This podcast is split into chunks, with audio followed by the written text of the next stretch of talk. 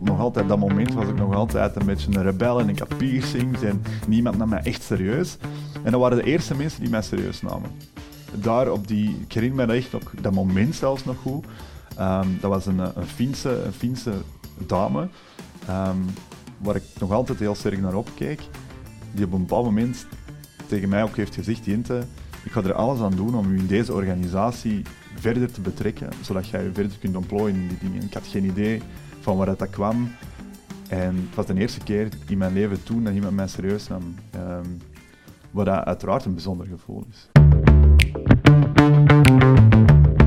Hallo, ik ben Peter Perceval. Welkom bij Keerpunt, een podcast over gewone mensen die buitengewone keuzes maken in hun leven.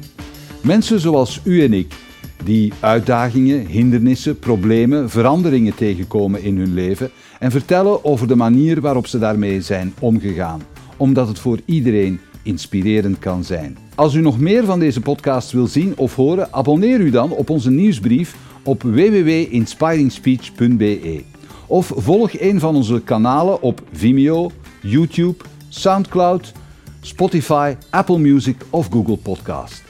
In deze aflevering praten we met Jente Kustermans. Jente is Learning and Development specialist bij een van de grootste interimbedrijven in ons land. Dat hij nu leerprogramma's ontwerpt en leidt bij een zeer groot bedrijf is bijzonder, omdat hij zich in zijn school nooit op zijn gemak voelde. Pas op zijn 22e ontdekte hij hoe dat kwam. Er werd toen namelijk bij hem vastgesteld dat hij ADHD had. Hoe dat zijn leven veranderde en wat hij er allemaal mee deed, vertelt hij in deze podcast, want gaandeweg ontdekte hij dat ADHD een superkracht was. Veel plezier met Jente Kustermans. Oké, Jente, welkom. Dag Peter.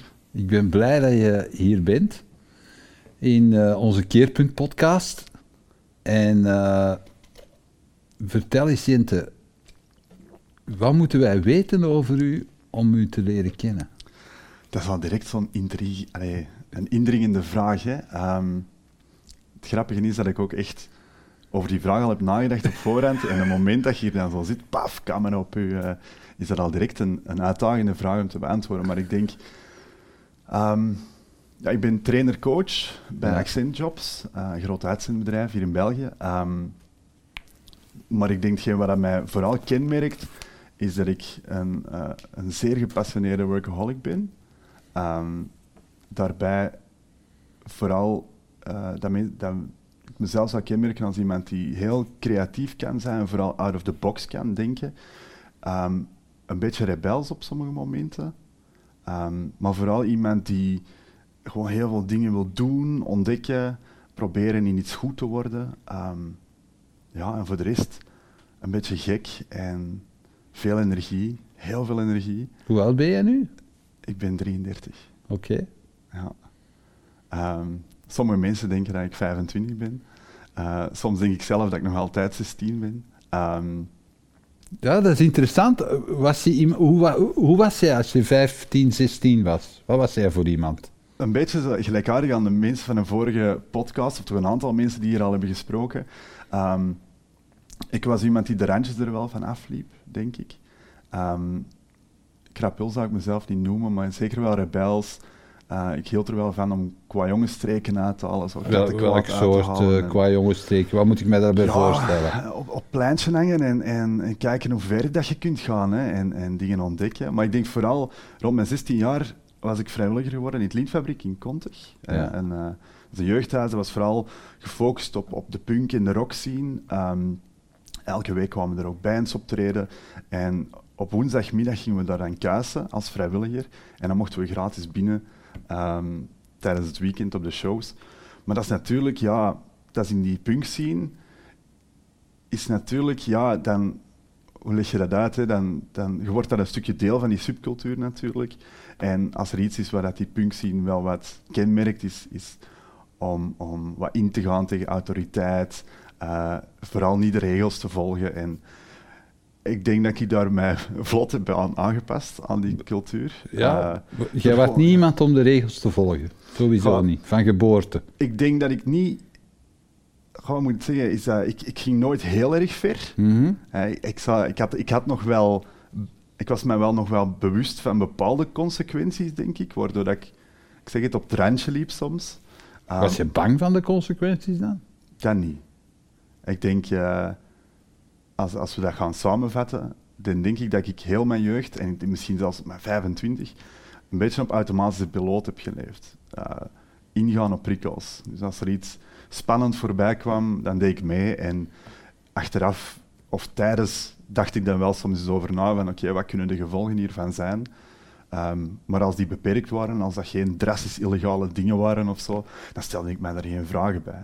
Dan probeerde ik gewoon vooral plezier te maken en dingen te ontdekken en dingen te doen. En eh, ja, op school denk ik was dat ook, was ik zo de typische qua jongen, allee, of, of, allee, voor, voor katten, kattenkwaad uit te halen en, en grapjes en pranks uit te halen bij, bij medeleerlingen of bij leerkrachten. Of, ehm, Maar dat ontspoorde niet.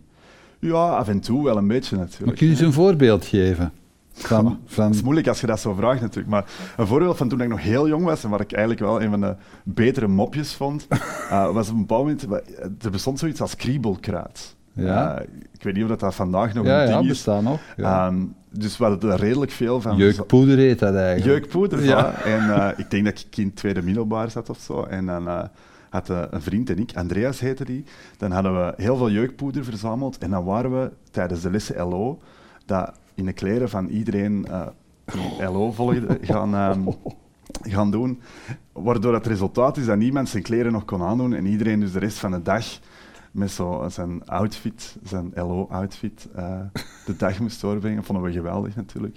Of zo... eh, Maar ik weet dat niet voor gestraft. Soms, Kwam dat niet als we gepakt werden. Hè. Eh, maar ja, ik, ik heb wel wat strafstudies gedaan voor kleine dingen. We hebben ooit een, eh, een stinkbom in, in het examenlokaal gesmeten, waar, dat, eh, eh, waar dat ja, de leerlingen van de lagere eh, klasse examen aan het doen waren. Zo van die dingen, dat moesten ontruimd worden en zo, dat vonden we allemaal wel spannend. Ehm, maar ja, dat zijn ook wel, dat zijn echt qua jongensstreken. Ik heb Ja. niks kapot gedaan of... allee, of allee, Het was niet dat de politie bij u thuis moest komen. Nee, nee, dat niet. Ja. Net niet pakt. Net niet. Net niet. Nee, maar zo'n dingen. Hè. En wel veel, maar ik, ik, ga- ik, kan me- ik verveelde mij gewoon ook heel vaak. Eh, Is dat gebleven? Verveelde jij u nog? Ja. Snel? ja. Oei. Jij- ja, ik verveel mij nu al, zo. Ehm, ik denk, ehm, verveling heeft wel een beetje een andere vorm gekregen dan, dan het vroeger was. Omdat natuurlijk, als, als ik jong was en ik verveelde mij, dan ging ik op zoek naar actie of dingen te doen. Of dan, eh, dan reed ik naar vrienden of, of gingen we op café s'avonds. Of, of eh, dronk, ik, eh, dronk ik heel veel of zo, of andere, andere dingen. Ehm, om van die verveling vanaf te zijn en dingen te gaan doen. Eh, vandaag ziet dat er wat anders uit. Om, op zich, ik ben wat ouder en ik, ik ben wat rustiger geworden langs de ene kant. Maar dat gevoel van verveling of niet kunnen focussen op dingen, niet goed ergens mee kunnen bezig zijn, ehm, dat is er nog wel, nog altijd wel Het aanwezig. is altijd onrustig in uw hoofd. Eh, ongelooflijk. Maar niet alleen mijn hoofd, dat is ook iets wat, erg, eh, wat heel lichamelijk is. Ja? Ja, ik voel dat echt. Ehm, Waar zit dat? Overal. Ja, dat is heel moeilijk te beschrijven. Ehm, dat is, ik heb dat al, al vaak willen proberen, ook in een, in een beeldspraak uit te leggen, van hoe voelt dat nu eigenlijk, die onrust. Maar dat is soms heel moeilijk. Ik denk, dat is vergelijkbaar met een beetje zo het onaangenaam gevoel dat je hebt bij zo'n beginnende griep. Dat is een beetje een actueel thema nu, maar dat je zo, zo wat lichte spierpijn hebt en dat alles zo wat ambetant aanvoelt. Dat heb ik altijd. eigenlijk. Ja. Ehm, dat, is, dat is standaard. Dat is zo acuut of chronisch. Nu niet dat ik spierpijn heb, maar zo een, een gevoel van... Ja... Ik heb het juiste woord daar niet voor, maar gewoon dat je... Ja, dat, het, voelt niet aangenaam, ik zal het zo zeggen. En er zijn maar heel weinig momenten dat dat gevoel weggaat. En dat zijn momenten dat ik dan ehm, bijvoorbeeld ergens in mij volledig heb in vastgebeten en eh, in, een soort van hyperfocus zit en met iets, met bezig ben dat me heel hard prikkelt, heel veel stimulans brengt. Ehm, zoals bijvoorbeeld projecten op het werk of dergelijke. Maar zoals je het nu beschrijft, dan, dan, dan klinkt het een beetje als een soort vermoeidheid die over u komt.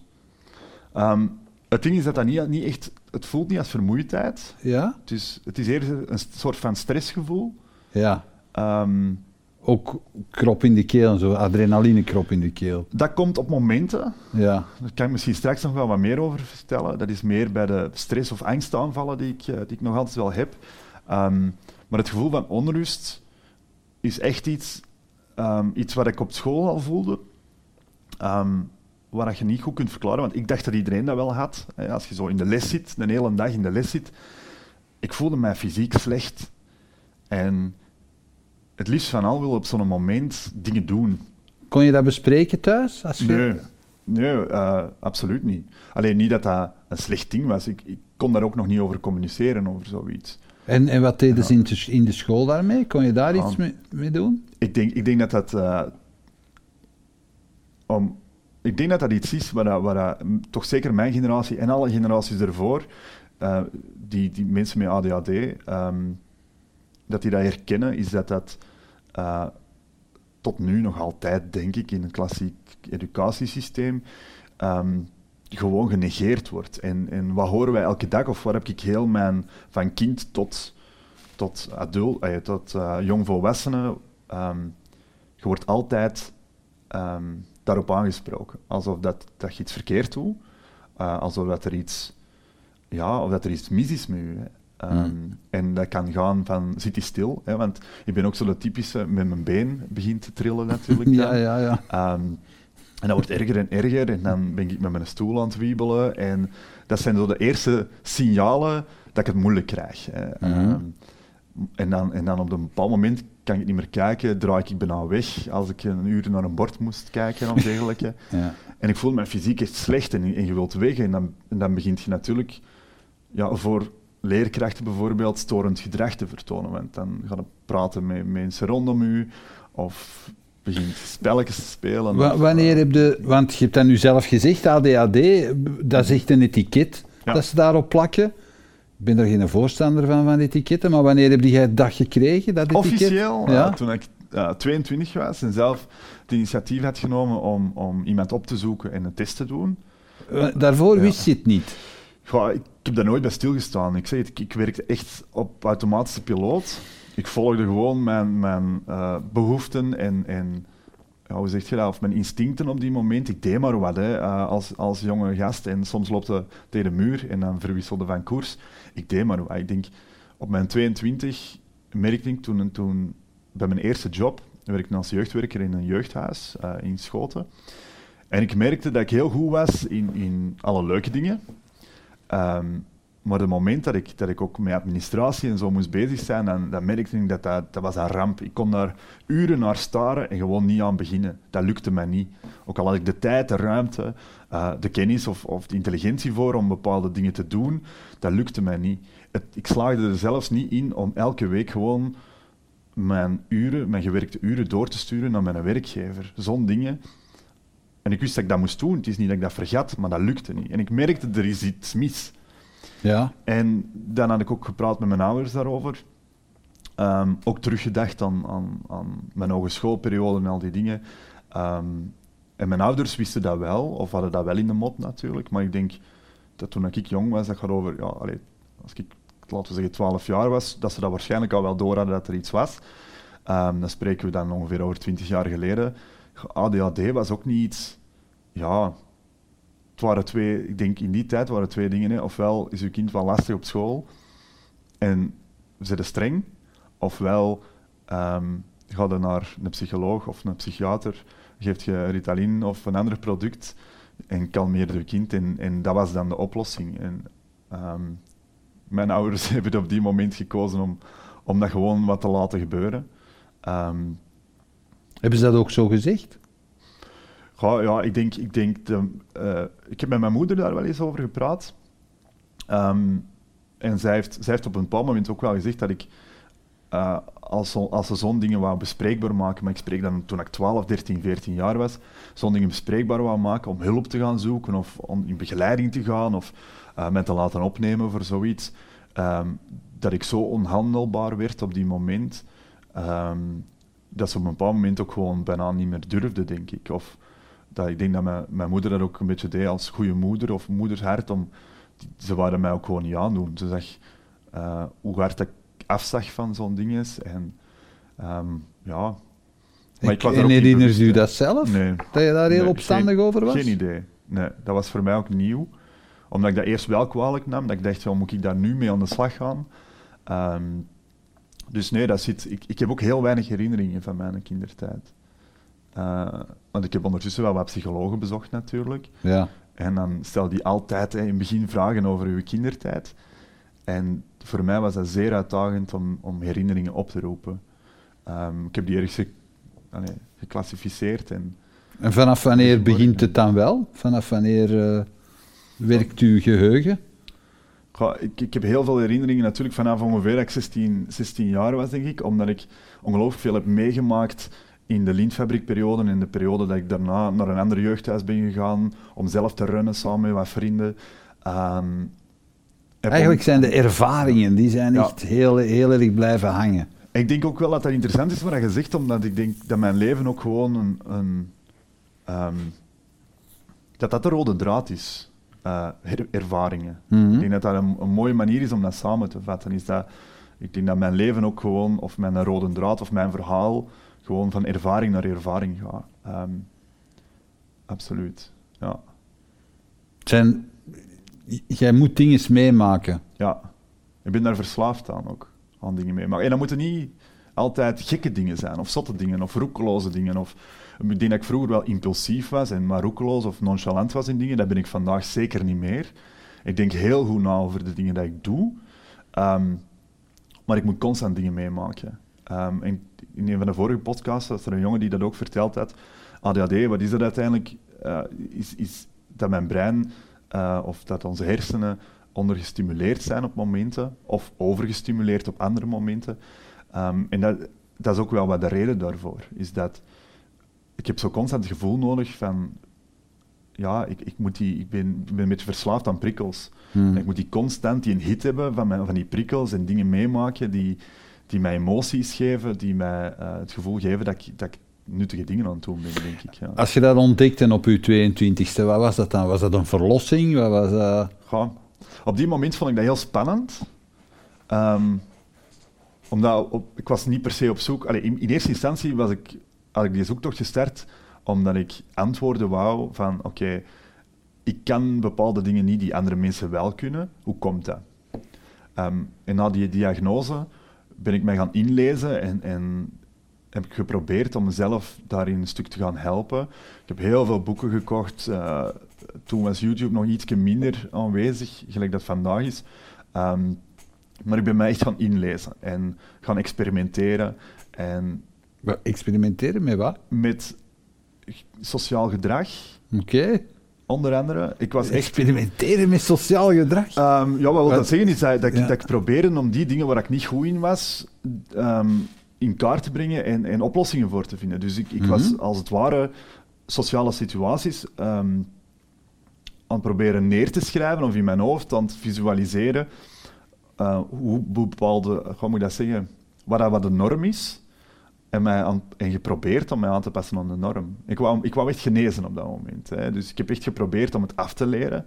Ehm, op een bepaald moment ben ik gestuurd ook op neurolinguistisch programmeren, NLP. Ben ik daar maandenlang super diep in gegaan. Ehm, gewoon in de hoop dat ik mijn eigen hersenen kon herprogrammeren om zo ADHD te laten verdwijnen uit mijn leven of zoiets. Of, eh, ik had geen idee waar ik mee bezig was natuurlijk, maar het was wel een interessant proces. Wat, heeft- wat, Ja. wat brengt zoiets u op dan? Gewoon op die moment weinig, denk ik. Buiten het feit dat er ook wel heel mooie dingen zijn mee samengegaan. Want terwijl dat ik die zoektocht naar mezelf, of omgaan met mezelf was aan het doen, ehm, leerde ik eigenlijk heel veel over eh, sociale omgang met mensen natuurlijk, maar ook om andere mensen te lezen. Want je leert natuurlijk om jezelf een stuk te lezen en te reflecteren op jezelf, maar tegelijkertijd leert je eigenlijk hoe dat een brein in elkaar zit, hoe dat de brein van andere mensen in elkaar zit en hoe dat je daar kunt op inspelen.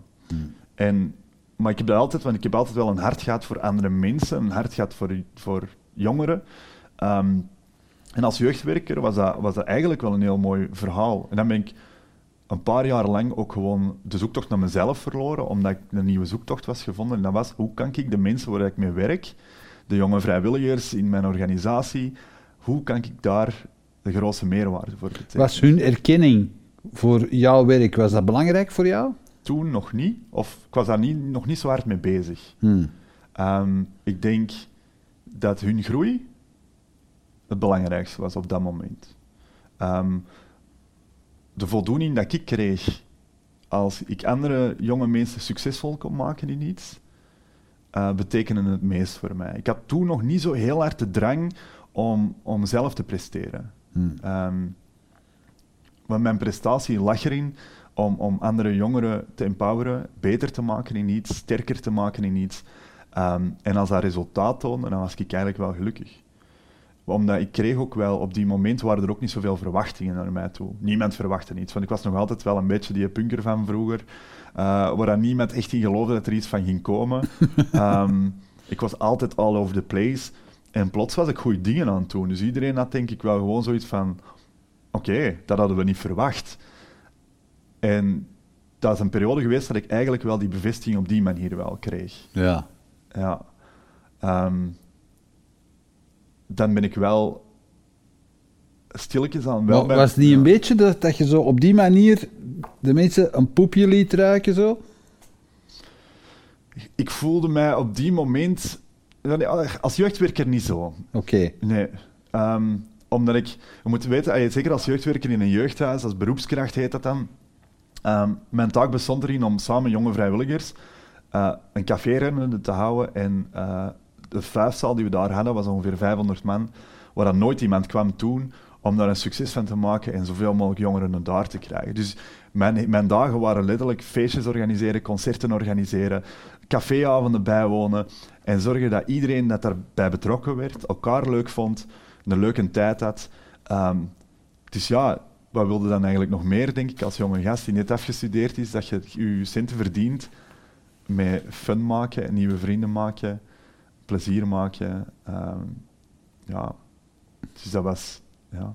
Ik weet niet meer wat de vraag was. Ja, nee, no, van, van het, ging, het, ging, het ging over erkenning. Het ging over, we wouden zo heel hard bewijzen van, zie dat kan ik wel.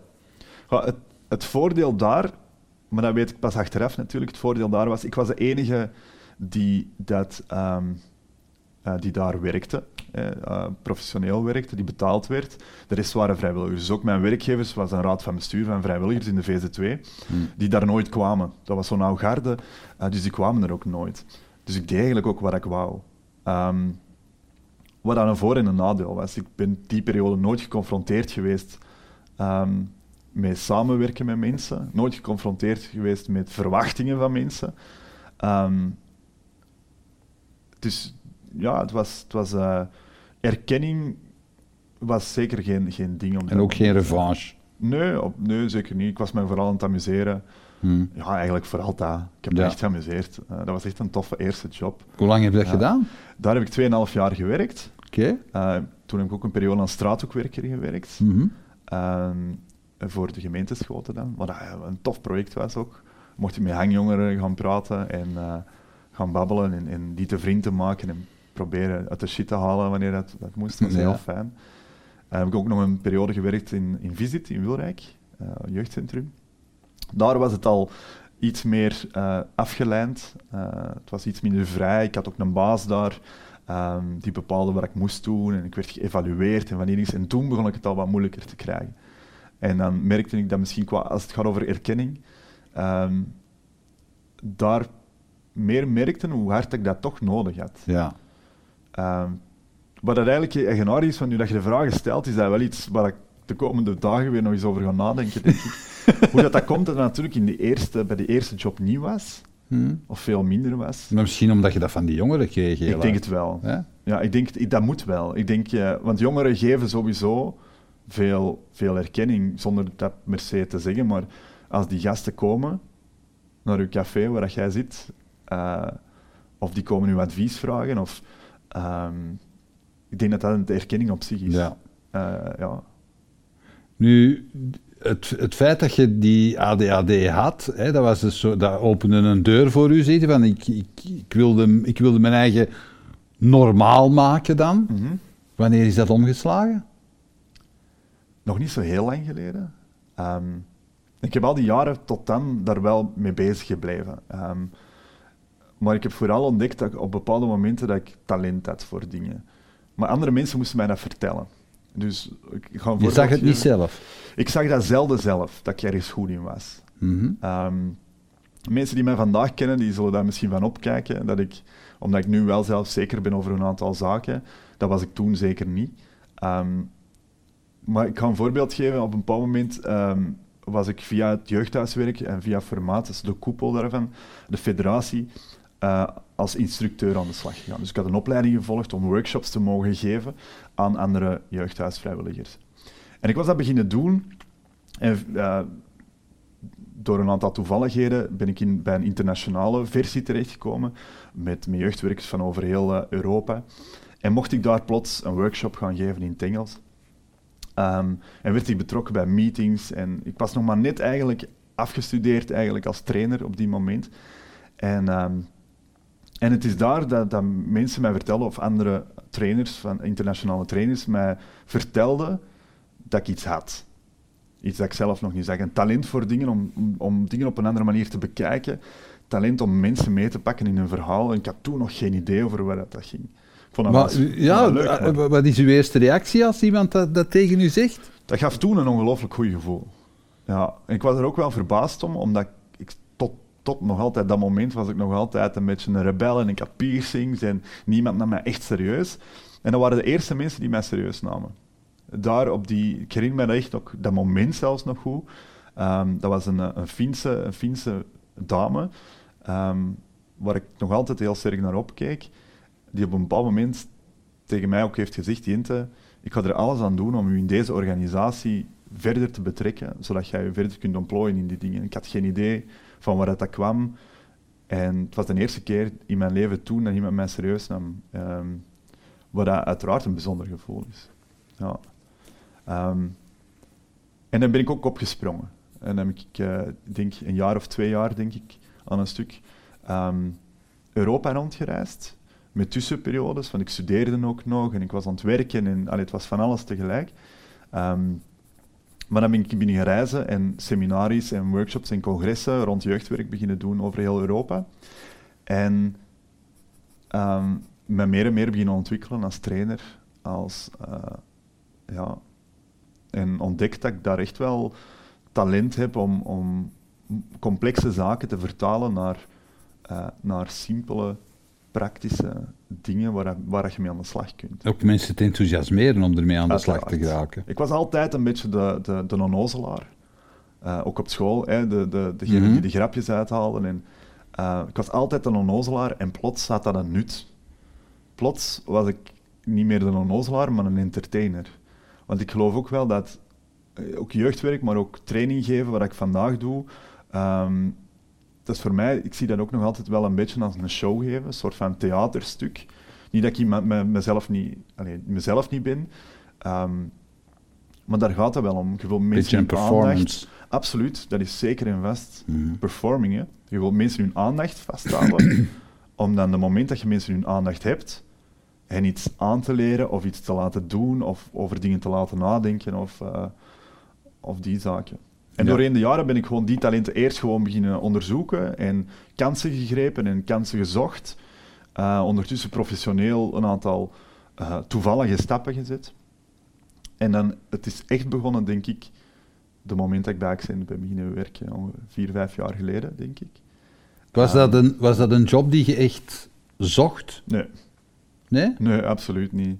Eh, net daarvoor had Hoe, ik... hoe is dat dan bij u gekomen? Ehm, misschien, ik was eigenlijk na het jeugdwerk in, in sales, in een commerciële job terechtgekomen, Ja. ehm, omdat ik, ik was op een vacature gestuurd, waarbij dat ging over enerzijds de verkoop voor goede doelen. En dus de, de meeste mensen kennen die wel, dus eh, de gasten in de fluo-pakjes die op de Ja. mer of, eh, of ergens anders staan. Gemaat, allee, gemixte reacties altijd daarop. Ehm, ik had dat zelf als student gedaan, ik was er ook heel goed in om mensen te overtuigen om, om, eh, om mee te doen.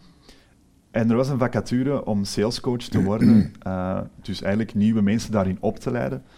Ja, de mensen beseffen dat niet, maar dat zijn salesmensen Ja. die daar staan. Absoluut. Ja, ja en nee. In mijn tijd wa- waren dat nog wel een hoop hippies, waar ik toen in de organisatie dat ik nog heb voor gewerkt. Dat waren, eh, maar de organisatie waar ik dan voor salescoach heb, eh, gewerkt, was dat wel zeer commercieel. Ja.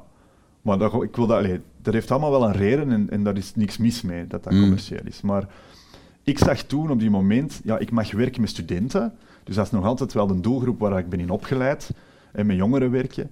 Ik mag werken voor goede doelen, wat dat toch ook mooi is, waar dat zo mijn, mijn sociaal hart ook nog wel in ligt. En ik kan commercieel bezig zijn, waar ik weet dat ik wel goed in ben. Ik ben goed in mensen overtuigen, ik ben goed in mensen mee te pakken in een verhaal. Dus dat leek mij een ideale combinatie. Dat was het niet. Dat was een jaar heel leuk. Ehm, maar dat, voor mij ging dat wel niet. Die combinatie tussen werken voor een goed doel, maar wel uw mensen opleiden om te hardsellen, zo- zoals deur-aan-deur verkopers. Ja, wat vloekte daarin? Dat klopt niet. Voor mij klopte dat niet. Mhm. Ik heb er een goed argument voor. Waarom? Omdat die mensen dan targets krijgen van je moet zoveel Ook, halen? Ja, ook. Ehm, zeker en vast.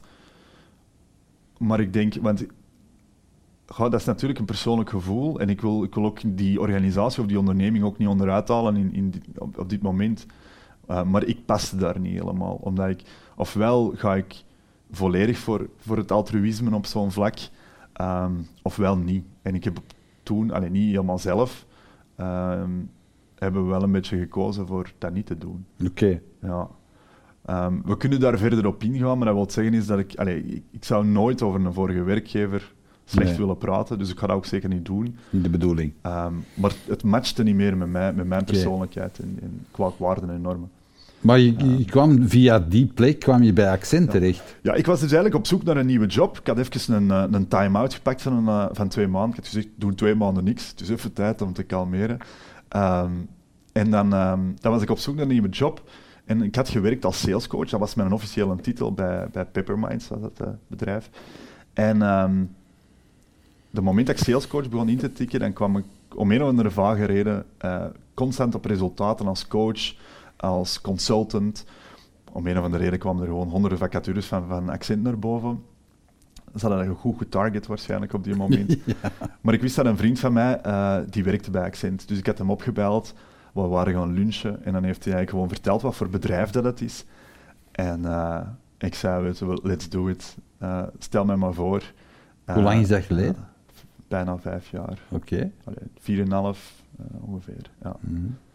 En dan ben ik daarin gevlogen en eh, een beetje blindelings, niet goed weten wat er kwam. Op die moment had ik ook nog altijd Eerst als zoiets... salescoach ook. Eh, nee, nee, ik ben gestart dus als consultant op de bureau. Dus wat wil dat zeggen? Dus dat ik op zoek ga naar mensen Ja, ja. om bepaalde vacatures in te Mhm. vullen. Of op zoek ga naar vacatures voor de mensen die ik heb. Dus echt gewoon een commerciële functie. Mensen zoeken en mensen voorstellen bij bedrijven en, en proberen daar contracten te regelen. Hè. Dus dat was, eh, dat was mijn job de eerste 2,5 jaar. Ik heb ook een stuk eh buitendienst gedaan, hè, als accountmanager gewerkt, om zelf dus klant, nieuwe klanten te maken, nieuwe deals Ja. te sluiten.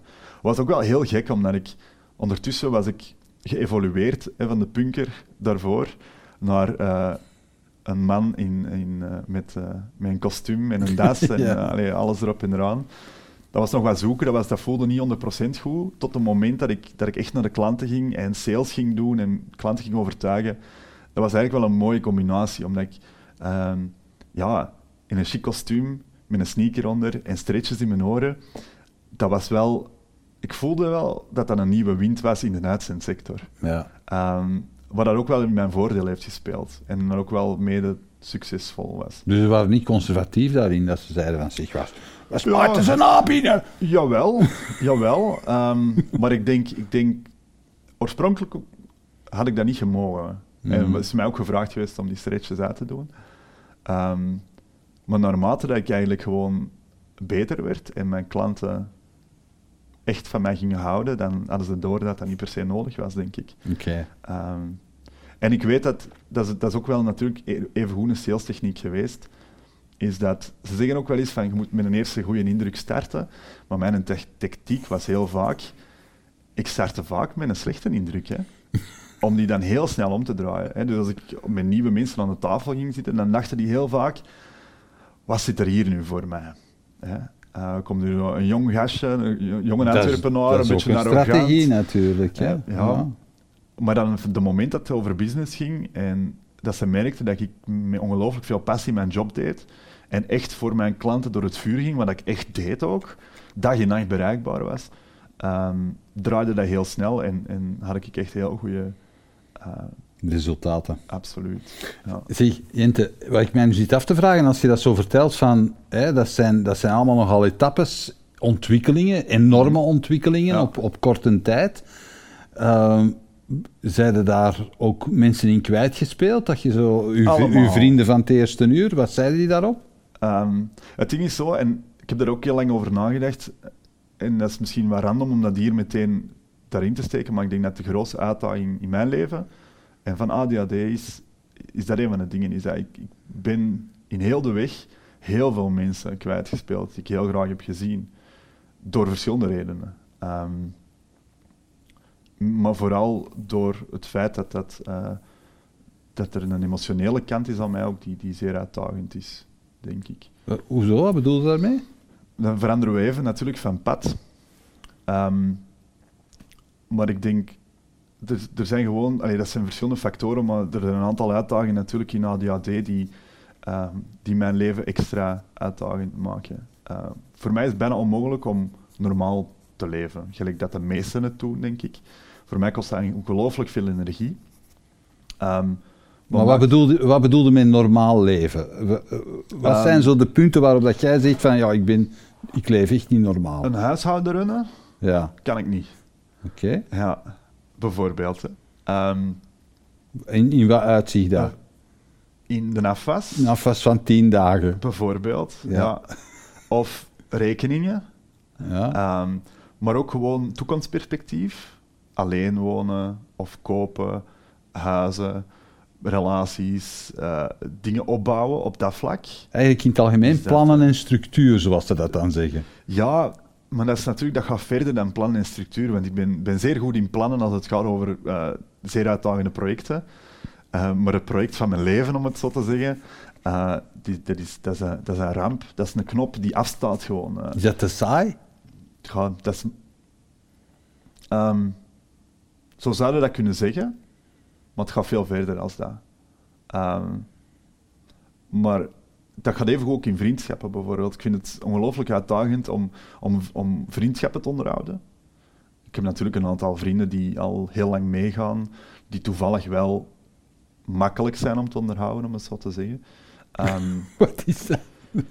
Ja, makkelijk. Een vriendschap die makkelijk in onderhoud. Ja, nee, maar ik heb, ik heb zo een, een, een, een vriendengroep waar we regelmatig samen s'avonds gamen. Hè. Uh, ja. Dat is makkelijk, want dat is van thuis uit. En je zet je koptelefoon op en je bent vertrokken. En, ja. uh, je moet daar niet constant aan denken of je moet die niet constant berichtjes sturen, hoe is het en, en al die dingen.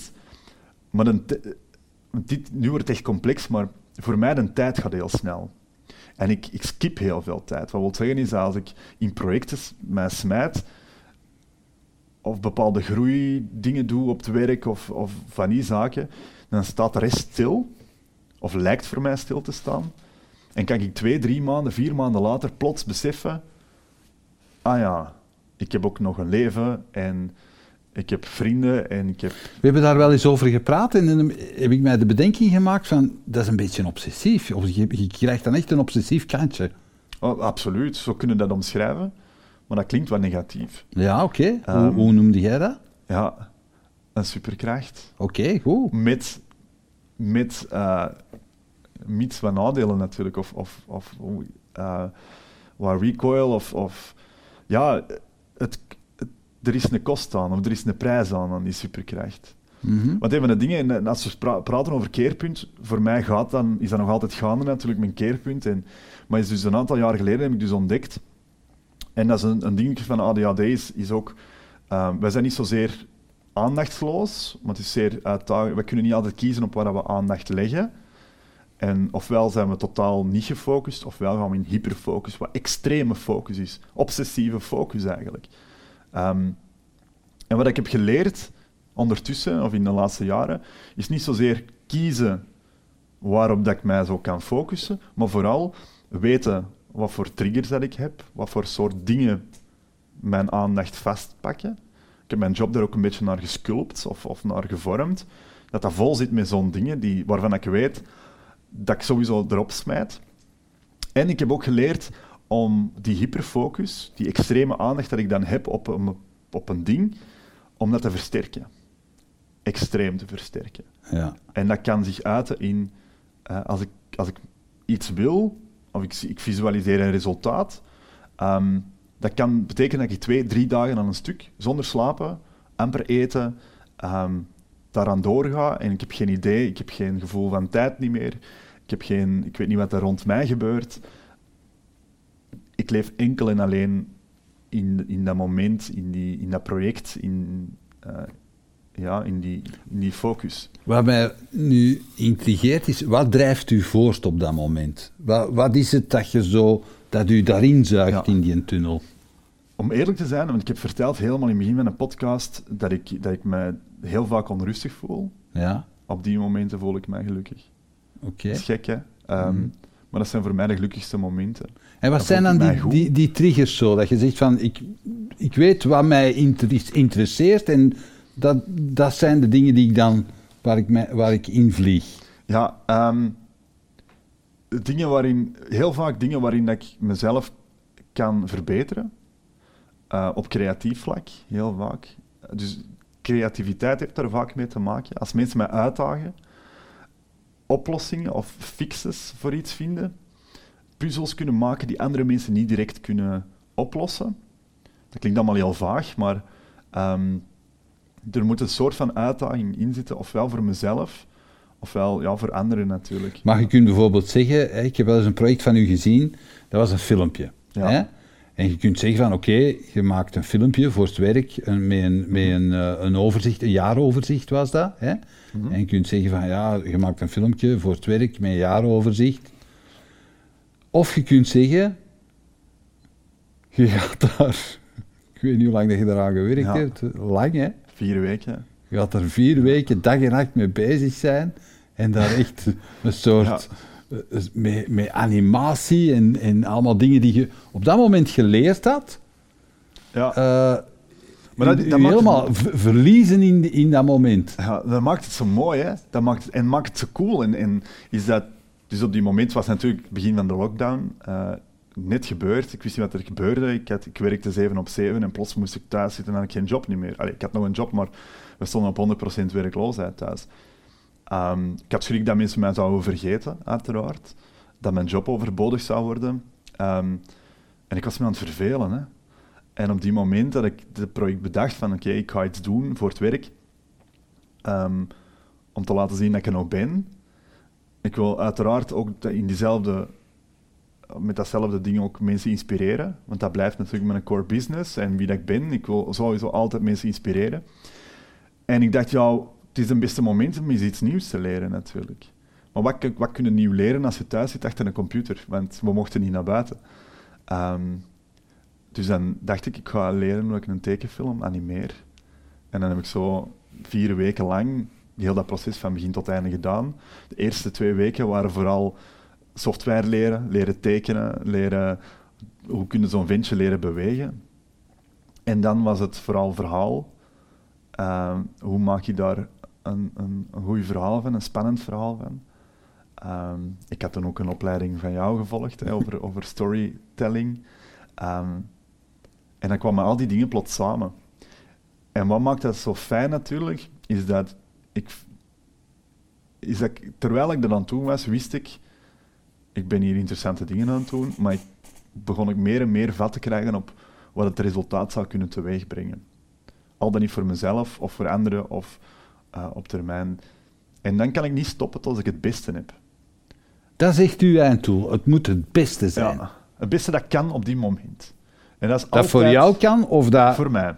Dat is, dat is het ding. Is, eh, het frustreert me. Allee, ik, ben, ik ben iemand die altijd visualiseert. Dus ik beeld mij op voorhand in hoe dat het er moet uitzien. Of moet overkomen, of moet ervaren worden. Waar, waarover dat ook gaat. Ik beeld mij dat in. Ik zet mij erop vast. En dan leer ik alles wat ik moet leren om dat resultaat te kunnen bereiken. En dat is altijd mijn strategie.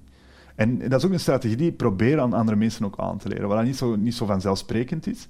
Ehm, maar dat is eigenlijk veel gemakkelijker dan ergens aan te beginnen en gaandeweg te ontdekken wat kunnen we. Of altijd, als je een brainstorm doet, en dat frustreert mij soms, bij brainstorms in business of in, in omgeving Ja. of, of whatever. Mensen zijn altijd aan het denken van wat kan ik?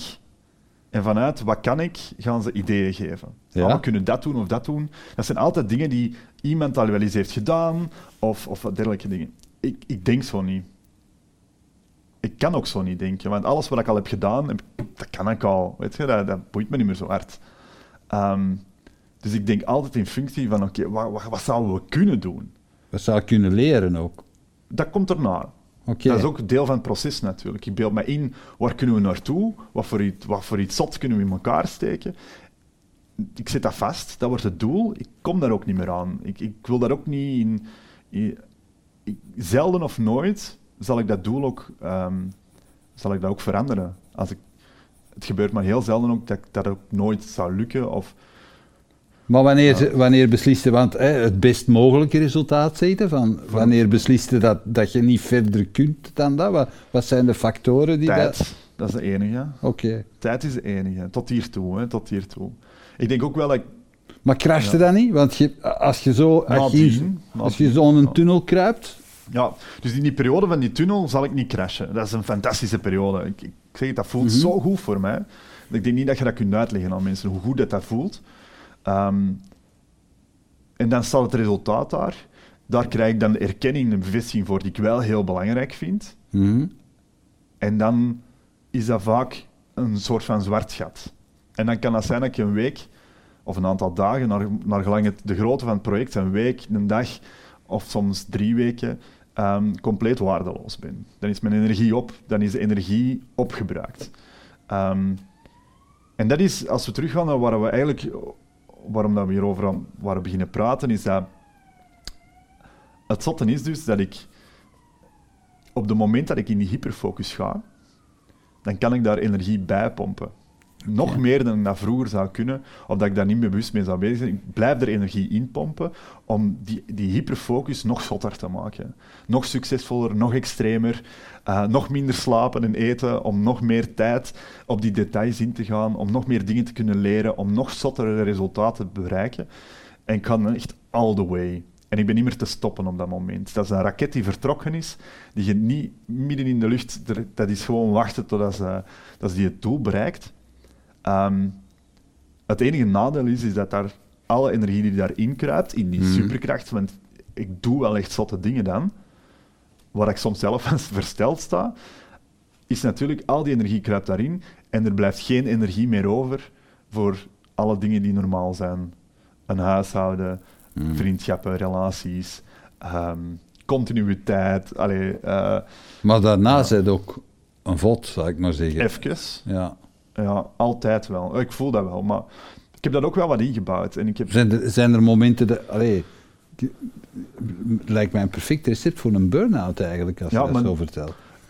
dat zouden denken, en eh, verschillende psychologen hebben dat al eens aangehaald, maar burn-out, ik denk dat dat niet mogelijk is ehm, wanneer dat over de schreef gaan het fijnste gevoel is dat er is. Snap je wat ik wil zeggen? Dat is raar. Het is, ik heb er ook nog nooit op die manier over nagedacht, tot als je me die vragen stelt, maar als ik constant streef om in die staat te zijn, om dat gevoel te hebben, ja, dan, dan kan ik mij niet voorstellen. Ik, ik, ik zal een burn-out hebben als ik dat gevoel niet meer tegenkom. Maar dat is een meer bore-out misschien, maar zwart, dat zijn maar termen natuurlijk. Hmm. Ehm, maar ik heb, ik heb gewoon even tijd nodig nadien om een batterij op te laden en that's it. Ehm, En dat verstaan ze ook op uw werk dan? eh, één iemand, mijn manager.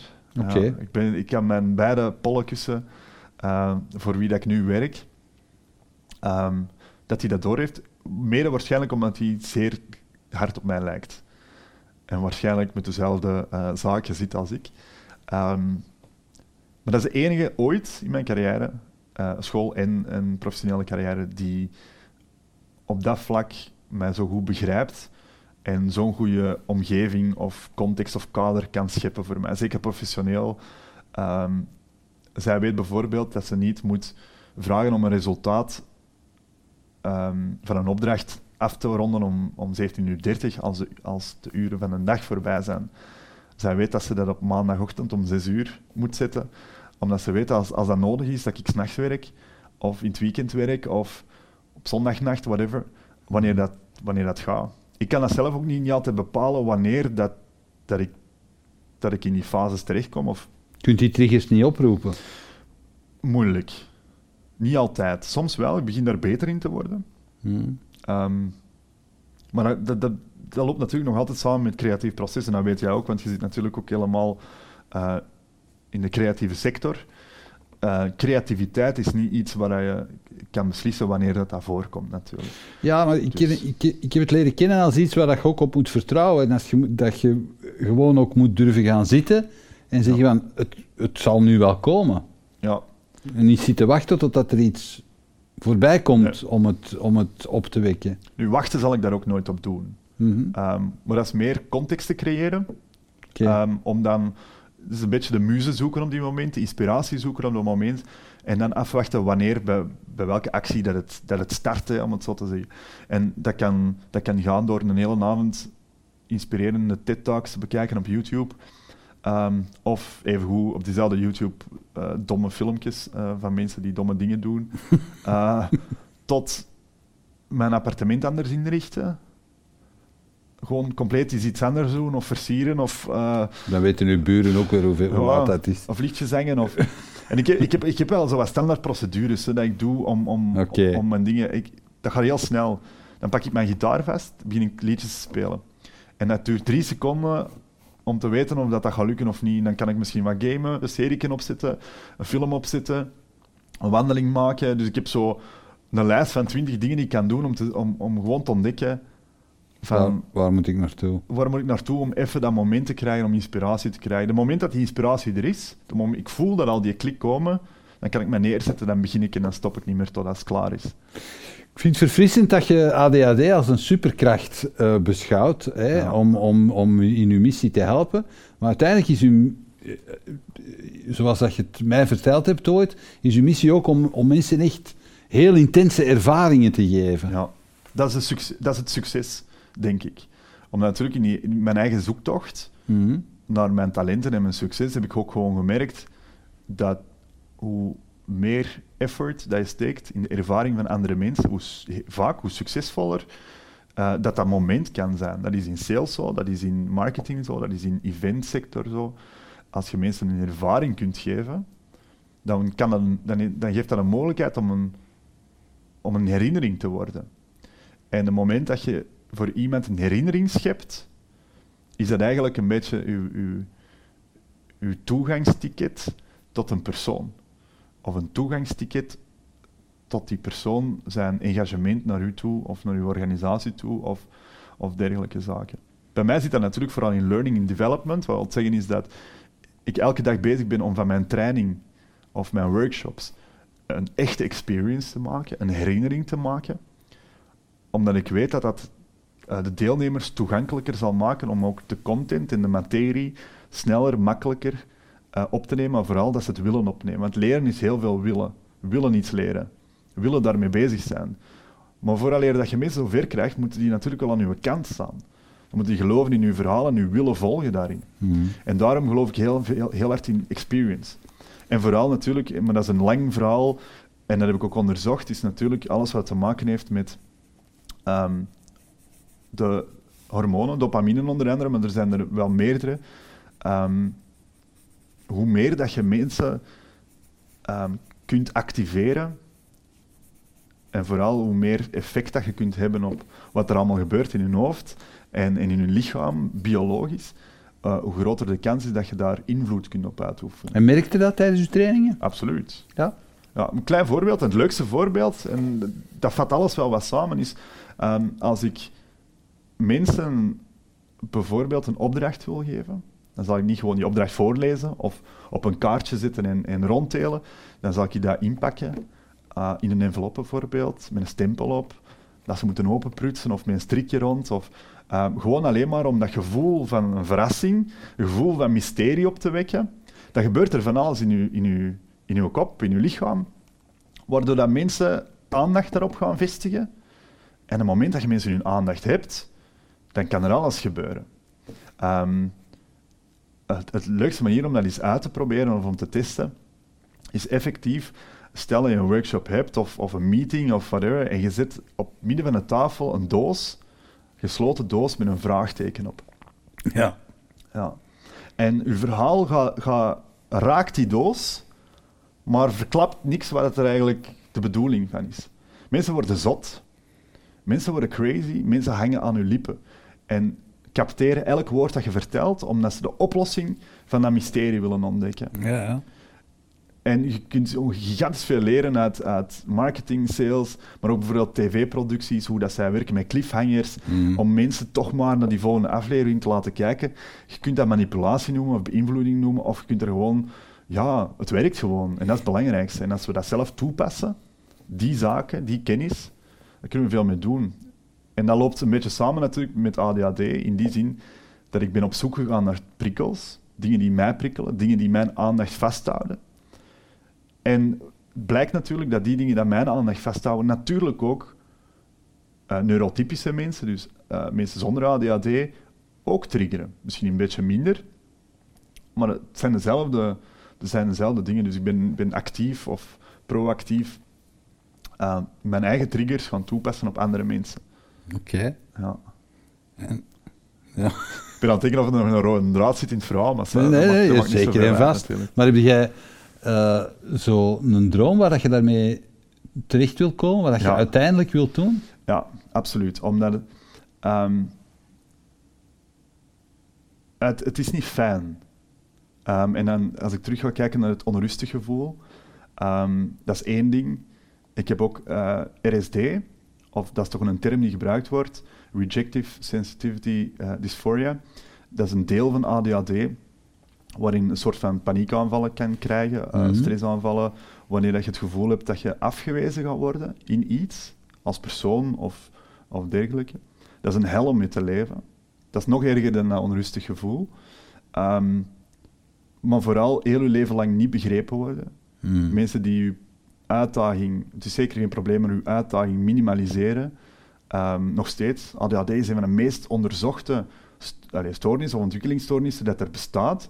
En toch nog altijd is er eigenlijk niemand die dat serieus neemt. Iedereen denkt, ja, gewoon een hyperactief kind of dergelijke, maar het is zoveel meer dan dat. We we hebben, ja, het is emotioneel zo moeilijk als je weet dat mensen met ADHD, of de meeste mensen met ADHD, want dat scheelt natuurlijk wel, dingen tien keer zo hard voelen als andere mensen. Mhm. Een beetje gelijk, gelijk mensen met autisme, zijn die prikkels, of die hoogsensitiviteit zit er ook heel vaak bij. Dat is niet fijn om mee te leven als iedereen ervan uitgaat dat je dat niet hebt. Snap je? Stel, stel dat iedereen zou weten, oké, de Jente is hoogsensitief, dan zouden ze misschien sommige van mijn momenten makkelijker vergeven of begrijpen. Maar dat is niet. Mhm. Niemand, allee, dat is, niemand erkent dat. En niet vooruit kunnen gaan. Ik zou ook al lang op mijn privévlak eh, in een schoon huis willen wonen. Ik ben, ben 33, ik zou ook liever gewoon in een schoon huis hebben gewoond en misschien al een gezin gehad en een labrador en alles erop en eraan. Maar beseffen dat dat niet kan of bijna niet kan, ja, dat wens ik ook niemand anders toe. En het moment dat ik daarmee een stuk naar buiten ben getreden met mijn ADHD-verhaal, zijn de vragen gekomen. En daar is dat besef gekomen dat ik niet alleen ben. Is dat, om maar een idee te hebben, na eh, het publiceren van de speech, hè, van de TED-talk eh, speech, hebben ongeveer, ik denk toen, twee dagen nadat ik dat op social media iets van had gezet, ik denk een dertigtal, een dertigtal mensen die rechtstreeks mij hebben gecontacteerd, die ik niet ken, om hulp te vragen rond problematiek rond ADHD. Omdat ze het zelf hadden, of kinderen die het hadden en dergelijke. Ik ben al tien jaar op zoek naar de juiste begeleiding, om mij daarin te ondersteunen. Ik denk dan aan een psycholoog, psychiater. Dat is niet Ja. te vinden. Dat is niet te vinden. Ik heb nu net, maar ik wil daar, het heeft nu geen zin om in details te gaan, net iemand waar ik voor de eerste keer in tien jaar tijd een goed gevoel bij heb. Staat dan ook aan de top van haar vak. Ehm, er, is, er is geen begeleiding voor te vinden. Ouders weten nog altijd niet hoe dat ze met een kind met ADHD om moeten. Ehm, leerkrachten hebben nog altijd geen flauw idee hoe dat ze leerlingen met ADHD of ADD of andere gelijkaardige zaken, Mhm. hoe dat ze daarmee moeten omgaan om die te stimuleren, om die te laten groeien. En het is heel kort door de bocht, dus ik zeg er ook nog eens bij, het is heel kort door de bocht, maar ik geloof echt wel dat je hebt heel succesvolle mensen in, met ADHD, ondernemers, Ja. creatievelingen, kunstenaars, die, die ehm, per toeval misschien de positieve kant uh, van hun persoonlijkheid volop zijn gaan inzetten en daarin zijn gegroeid. Maar je hebt heel veel mensen, uh, in, in Amerika is dat onderzocht, heel veel mensen die daardoor um, in heel veel grote problemen komen. En jij wil iets betekenen Absoluut. voor die mensen? Ik wil iets kunnen doen, ik wil antwoorden kunnen bieden. In eerste instantie natuurlijk voor mezelf, maar omdat ik natuurlijk een coachend, inspirerend hart heb en dat ik daar ook mijn talent ligt, is dat ook mijn grote droom natuurlijk, om op een bepaald moment als inspirator, uh, als coach en trainer, specifiek voor die mensen iets te kunnen betekenen. Oké. Ja, absoluut. Dat is een heel, uh, een heel leuke manier om dit gesprek af te ronden, denk ik. Ik help het je hopen en ja. ik, uh, ik denk wel dat het ervan gaat komen. Dus ik ben heel benieuwd. Ja. Misschien moeten we binnen een jaar of vijf nog eens afspreken. Dat is goed. Maar tegen dan... Allee, het ding is, als ik een droom heb, als ik mij er eens op vastbijt, en dat is het mooie, denk ik, in al die projecten, in die hyperfocus, uh, als ik mij er eens op vastbijt en ik kan het resultaat visualiseren, dan ga ik het ook halen. Dus ik ben, uh, ik ben zeer zelfzeker dat ik een manier ga vinden om de impact te maken en om de mensen te helpen op grote schaal dat ik wil doen. Ja. Maar ik ben er ook gerust in dat je dat zo geloof daarin, ja. ja. Want uh, er is ene mens die mij daarvan overtuigd heeft dat ADHD een supertalent is. En dat ben jij. Dank je, Peter. Tot ziens. Bedankt dat je keek naar deze aflevering van Keerpunt. Wil je op de hoogte blijven van nieuwe afleveringen en nieuwe interessante gasten? Abonneer je dan op onze nieuwsbrief via www.inspiringspeech.be. Iedere twee weken brengen wij een nieuwe aflevering online op inspiringspeech.be, YouTube, Vimeo en Soundcloud. Tot ziens.